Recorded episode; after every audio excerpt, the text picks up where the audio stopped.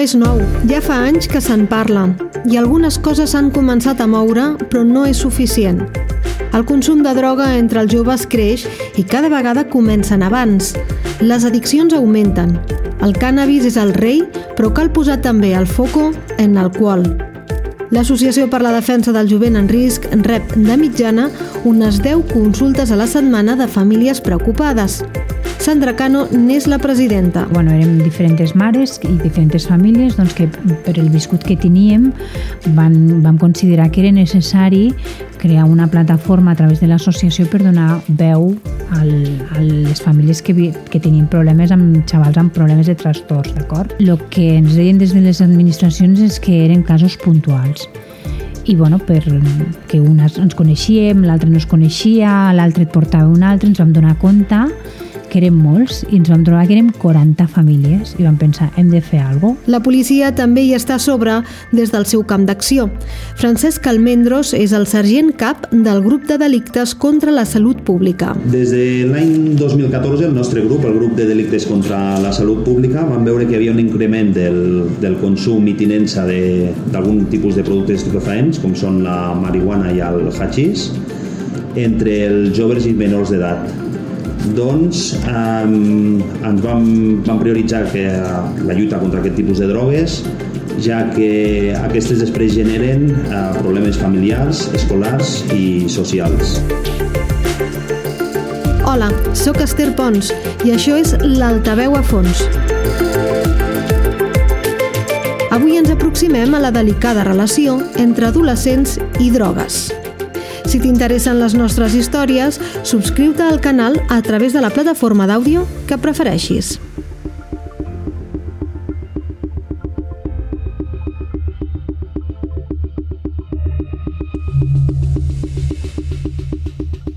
El 2019 es va modificar la llei de seguretat pública per endurir les sancions pel consum i venda tant de cànnabis com d'alcohol.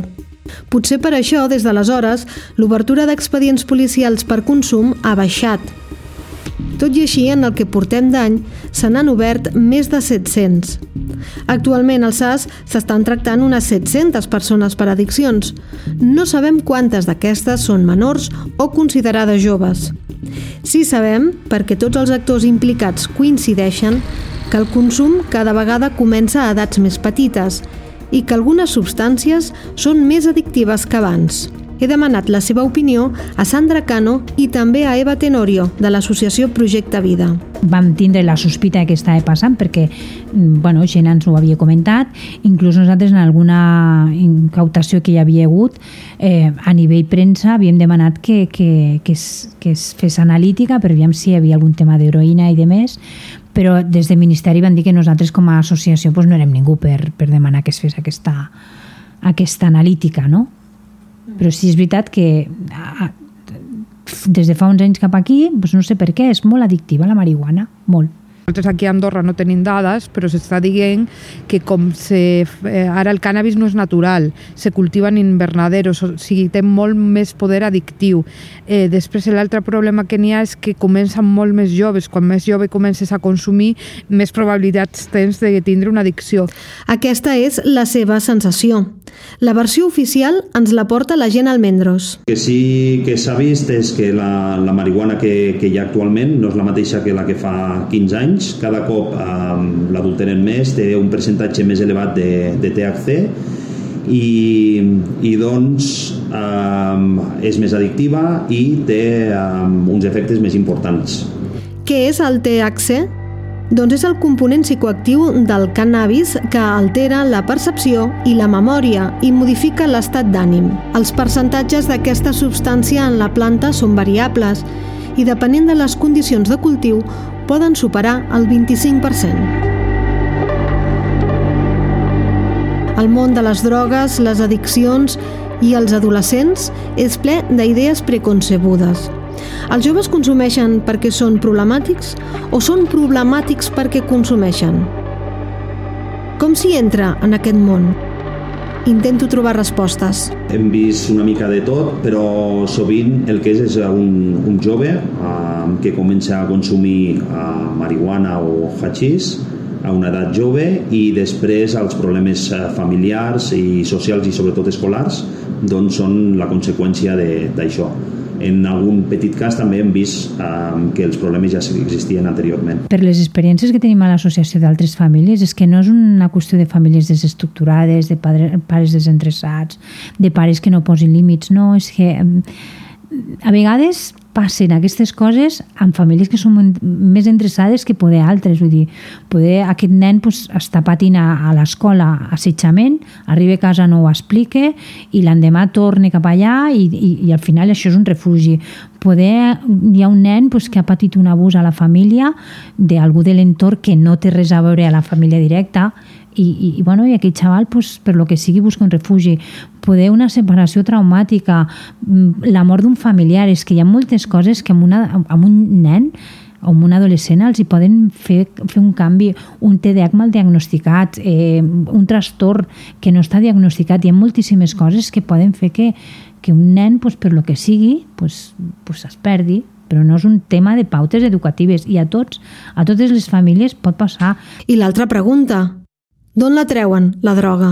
A nivell de, dels més joves eh, és més una mica el boca-orella, ja que els és més fàcil i si coneixen algun, alguna persona que, que consumeix, doncs ells el li demanen i eh, fins i tot li proporciona l'altra persona amb un preu un pelet més elevat i doncs eh, també treu un petit benefici i així es pot pagar el seu propi consum. També és veritat que les xarxes socials han facilitat, eh, ja que es passen els contactes i doncs poden contactar directament amb una persona que, que és venedora. Sobretot, eh, és, és la sensació que tenim i el que hem detectat és que començar a consumir és com un... els, els conviden, no? Eh, vull dir, els mateixos camells que tenen camells petits als entorns de les escoles o inclús dintre les escoles pues, els conviden. Té una caladeta, té un porro i, i, i és molt addictiva la marihuana. Ens hem donat compte que és una passada. Vull dir, comencen amb un porro i quan es volen donar compte ja estan al cercle de consum. Així és com s'hi entra, però com s'hi surt. De seguida abordarem aquesta qüestió, però primer vull aturar-me per saber més coses de com la droga, també l'alcohol, afecta als joves. Per això he anat a veure el doctor Joan Escoter, psiquiatre i excap de salut mental. Tinc una llista llarguíssima de preguntes i molt amablement intenta respondre-me-les totes. Primer, per què tothom diu que quan més joves, més vulnerables a caure en l'addicció? Els adolescents, aquesta franja que estàvem dient, estan en una etapa de la vida que per biologia han de descobrir el món fora de, de, de la família. Han de provar coses però al mateix moment han de continuar estudiant, han de continuar aprenent, han d'interioritzar unes normes socials, s'han de motivar d'alguna manera eh, eh, en el treball, si no molt immediat al cap d'uns anys, eh, amb uns horaris, no? tot això ho han d'acabar d'aprendre. Això, donant per suposat que ho han vist amb la família, que a vegades no, però donant per suposat que ho han vist, ells proven què passa si ho trenquen que és molt fàcil eh, amb consum de cànnabis, sobretot, eh, el que dèiem abans, desmotivar-se per l'escola, males notes, fer-lo fora de l'escola, fracàs escolar... En això, Sandra Cano, recordem que és presidenta de l'Associació per la Defensa de Joves en Risc, també té la seva teoria. Quan és un tema de, de rols i de modes, no, no és que no passi, sí que passe, no? El problema és quan agafen la droga com un refugi. Un xaval que té un problema, que ha patit un tema d'assetjament, que està visquent, jo què sé, unes, un, un, algo traumàtic, que ha patit un abús, que... Pues, mil coses, no? Eh, quan ho agafen com un, com un refugi, aquí és el problema, perquè aleshores és una addicció i és, és greu, perquè és, és, per ells és algo que els dona plaer, que els dona tranquil·litat i que ho relacionen com un, una zona de confort on estan relaxats. I és totalment al contrari, perquè després és pitjor, perquè tenen aquella addicció, un necessiten més, no, són joves, no tenen diners, i entren a, a formar part a la roda on tot es torna més mm, difícil de sortir. Seguim amb el qüestionari al doctor Escoter i li demanem, es pot diferenciar entre consum esporàdic, abús i addicció? Sí que es podria dir que un consum esporàdic i, i de molt baixa quantitat, ni que sigui a base d'anys, probablement no fa res.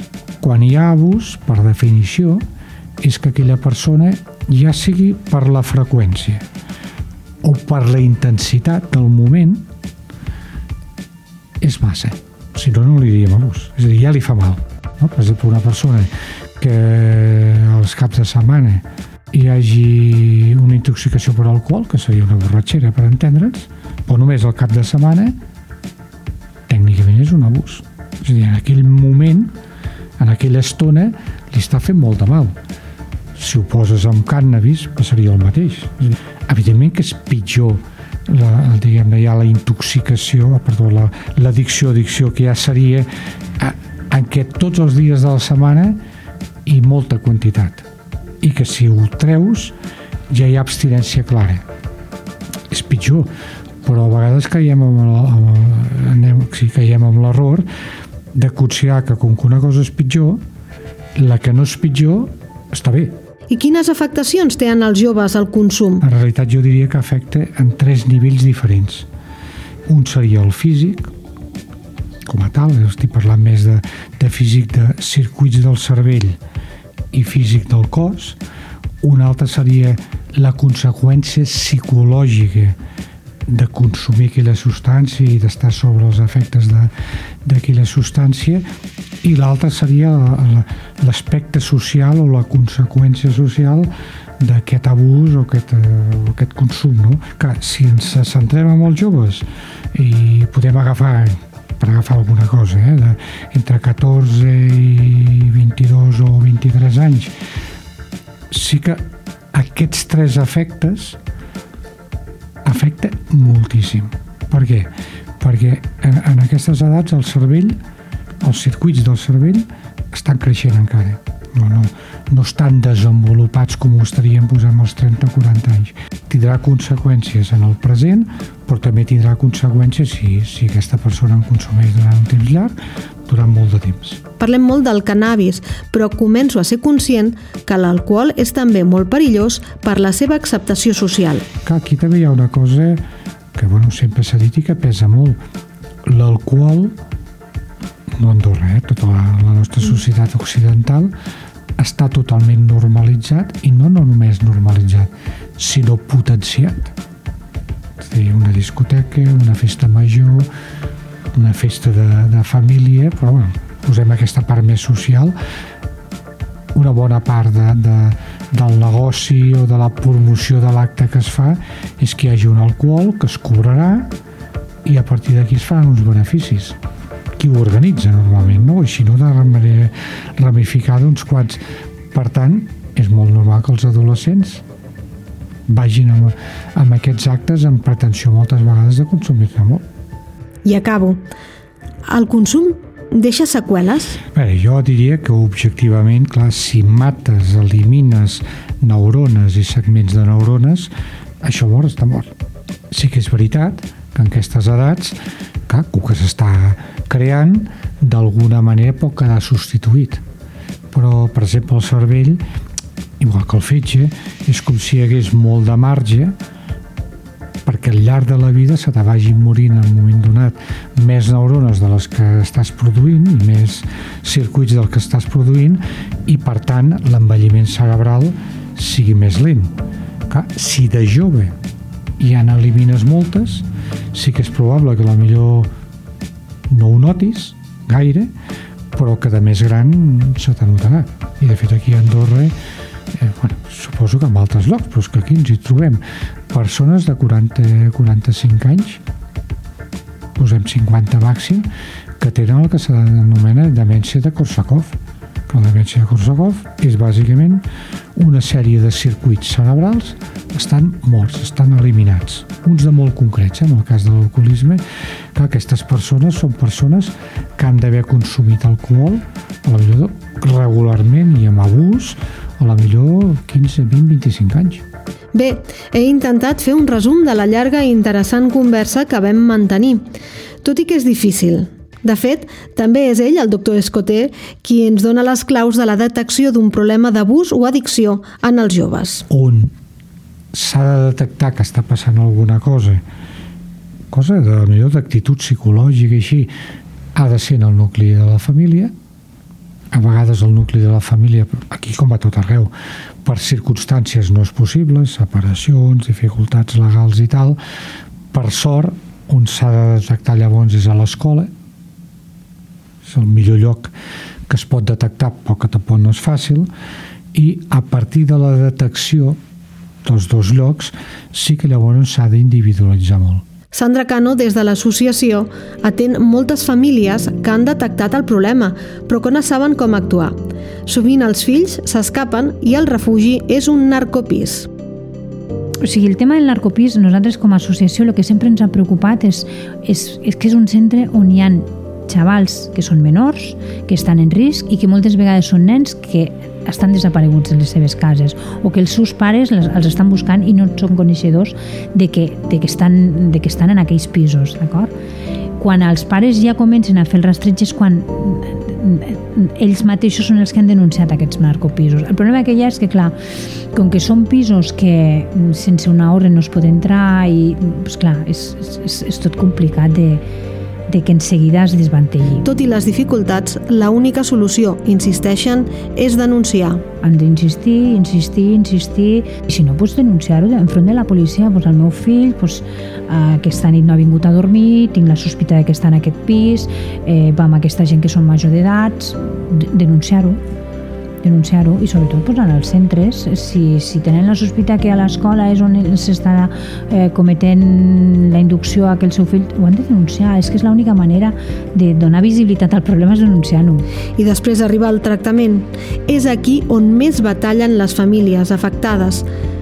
Primer però coneguem quin és el procés des d'un punt de vista mèdic. Si una persona està ja amb una dependència molt intensa que s'ha intentat l'ajuda, parlo més sanitària, eh? s'ha intentat l'ajuda sanitària amb, de manera ambulatòria. A la millor fins i tot amb algun ingrés d'uns dies. I no n'hi ha hagut prou. L'últim recurs, que si es fa bé és molt efectiu, és que aquella persona l'aïllis de tot l'entorn que té, en aquest cas familiar, social, etc etc. clar, si és un adolescent, igual, ni que tingui 17 anys. L'aïllis de tot aquest entorn que aquesta persona no se'n pot sortir, en aquest lloc la substància i les altres ha de ser zero, per definició és zero, i llavors hi ha d'haver una bateria d'intervenció professional terapèutica per ajudar, però llavors ja sol ser mesos, eh? és a dir, menys de mig any pràcticament no serveix per res perquè els circuits es retornin, perquè el cos es retorni, perquè etc etc etc. No? Un últim recurs que el doctor Escoté no troba malament que es faci fora d'Andorra per fomentar precisament aquest aïllament que diu és necessari. Les famílies, en canvi, defensen que aquests internaments s'haurien de poder fer al país, almenys quan es tracta de menors. Des de l'associació nosaltres sempre diem que s'ha d'activar un recurs a Andorra tenen el dret d'estar en el seu país, tenen el dret de tindre l'acompanyament de les seves famílies i les famílies ja la cosa és molt traumàtica com perquè sobre els seus fills tingui que marxar a Andorra. Després assumen moltes coses, vull dir, un ingrés fora d'Andorra és traumàtic per, per aquest xaval i són xavals que són potents i moltes vegades hi ha les fugues i un xaval que està fora d'Andorra i es fugue, fora d'Andorra no el busquen. Ara mateix, a dia d'avui, els dos centres que hi han convencionats on es deriven els xavals fora d'Andorra, un costa 1.780 euros cada mes o sigui, 4.000 i algo, una part la, fa, la paga la casa, una altra part la paga el Ministeri una altra part la paga la família, i la que paga la família són 1.780 euros, i l'altre que hi ha, doncs, te'n vas des dels, des, des, des dels 600 fins als 1.200, depèn de, de, del tractament que l'estiguin fent al nen. I a més a més a tot això s'ha de sumar el desplaçament de la família, baixar els caps de setmana, pagat un hotel... És que és una despesa que per una família normal és inassumible. Malgrat el periple que han de passar, la majoria se'n surten amb més o menys seqüeles. En tot cas, aquí, la millor cura també és la prevenció. En aquest sentit, Andorra té una assignatura pendent i que espera resoldre abans que acabi l'any amb l'actualització del Pla Nacional contra les Drogodependències, que ja té 18 anys i no s'adapta a les necessitats actuals. Queda poc per comprovar si es compleixen les previsions.